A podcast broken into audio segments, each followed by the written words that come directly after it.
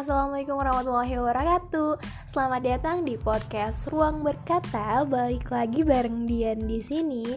Di episode kali ini aku mau ngebahas soal salah jurusan. Uh, Oke, okay. aku rasa soal jurusan ini udah menjadi suatu fenomena di mana ini bukan suatu hal yang aneh lagi di negara kita. Kayak banyak banget orang-orang di luar sana yang merasa bahwa dirinya salah jurusan Gak sedikit juga anak-anak muda yang mengeluh dan membenci ilmu atau bidang yang lagi mereka tekuni saat ini gitu.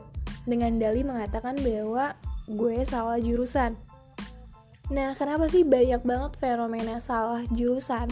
Menurut gue ini terjadi karena sistem pendidikan di negara kita yang uh, gimana ya jadi gue selama SMA juga ini kelas 1 kan itu penjurusan kelas 2 gue nggak ngapa-ngapain.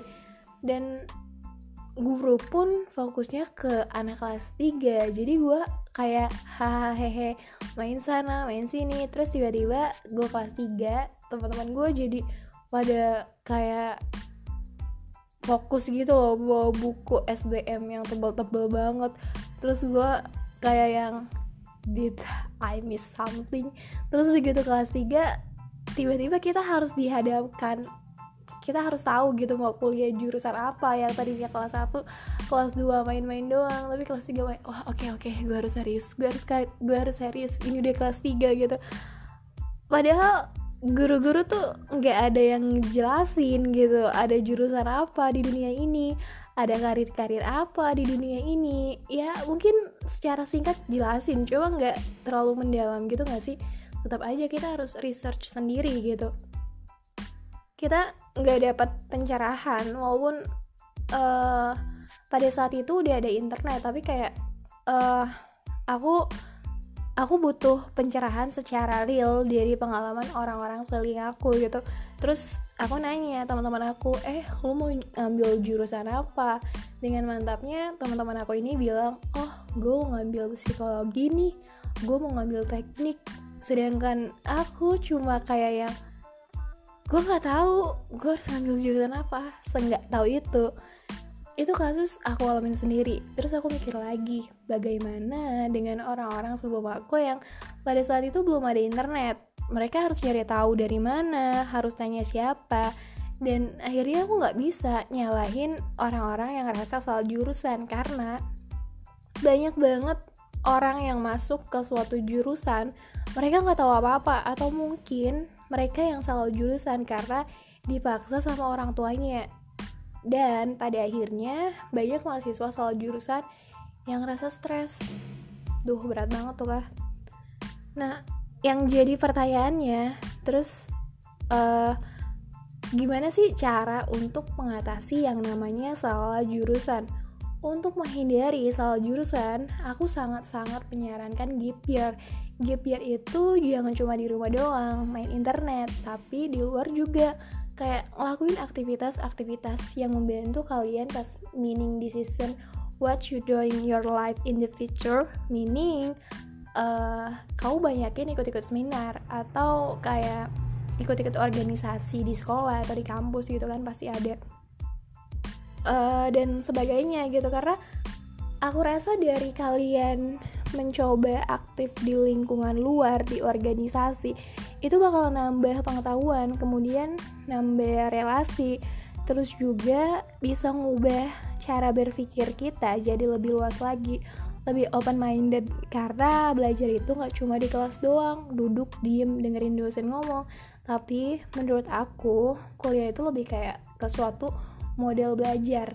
Model jadi model belajar ini dirancang oleh orang lain semacam fit katakanlah fit ya. Sementara kalau yang namanya passion tanpa dikasih fit pun pasti bisa. Kita akan mempelajari dengan sendirinya. Lalu untuk apa kuliah aku kuliah justru perlu belajar banyak hal yang ya aku suka di sana tapi nggak sebesar kesukaan aku pada passion aku gitu. Makanya aku butuh fit aku tidak mendapatkan knowledge di bidang komunikasi di kelas. Mungkin sedikit tapi tidak sebanyak di luar kelas gitu ya. Justru dari hal-hal di luar kelas lah yang membuat aku yang semakin kayak insight. Jadi ya menurut aku pribadi yang namanya soal jurusan itu nggak ada. Bidang yang kamu tekunin nanti itu nggak semata-mata harus sama dengan bidang yang kita pelajari pas kuliah. Memang sih idealnya kita pengen kerja di bidang yang memang sama kayak jurusan kita. Tapi balik lagi nggak ada ilmu yang sia-sia sebenarnya. Misalkan buat kita nih yang rasa salah jur jurusan solusinya misalkan uh, kamu jurusan hukum terus kamu pengen ke teknik. Uh, sebenarnya kamu gak harus ngelepas jurusan yang udah kamu pilih tapi kamu kerjain dulu yang lagi kamu tekunin sekarang. Terus setelah kamu lulus kamu bisa ngejar bidang yang kamu pengenin itu tadi dengan bekal ilmu yang udah dapetin yang udah kamu dapetin dari jurusan tadi yang pertama. Banyak banget dari kita yang takut what if what if what if jadi saran aku kalau kalian ngerasa salah jurusan pilihannya itu ada dua. Selesain dulu apa yang udah jadi pilihan saat ini tapi secara sungguh-sungguh gitu. Karena kuliah itu bukan cuma untuk mempelajari ilmu yang lagi kalian pelajari. Kuliah itu bisa nambah nambah relasi. Dan kemudian uh, baru deh kamu kerjain apa yang kamu pengen atau kedua atau pilihan kedua kamu pindah jurusan gak usah takut terngiang-ngiang. Ini itu segala macem. Kayak waduh coba gue nggak pindah jurusan ya. Waduh coba gini ya coba gitu ya. Nggak usah lo takut nyesel terngiang-ngiang gitu karena plan plan itu sebenarnya yang bikin kita nggak maju-maju intinya nggak ada yang namanya salah jurusan jurusan apa pun yang namanya ilmu pasti ada manfaatnya kok percaya nggak percaya. Walaupun kalian misalkan uh, kerjaan kalian nggak sesuai sama bidang yang lagi kalian tekunin sekarang tapi ilmu itu pasti bakalan kepake suatu saat nanti. Oke okay, itu aja uh, yang bisa aku sampaikan di podcast.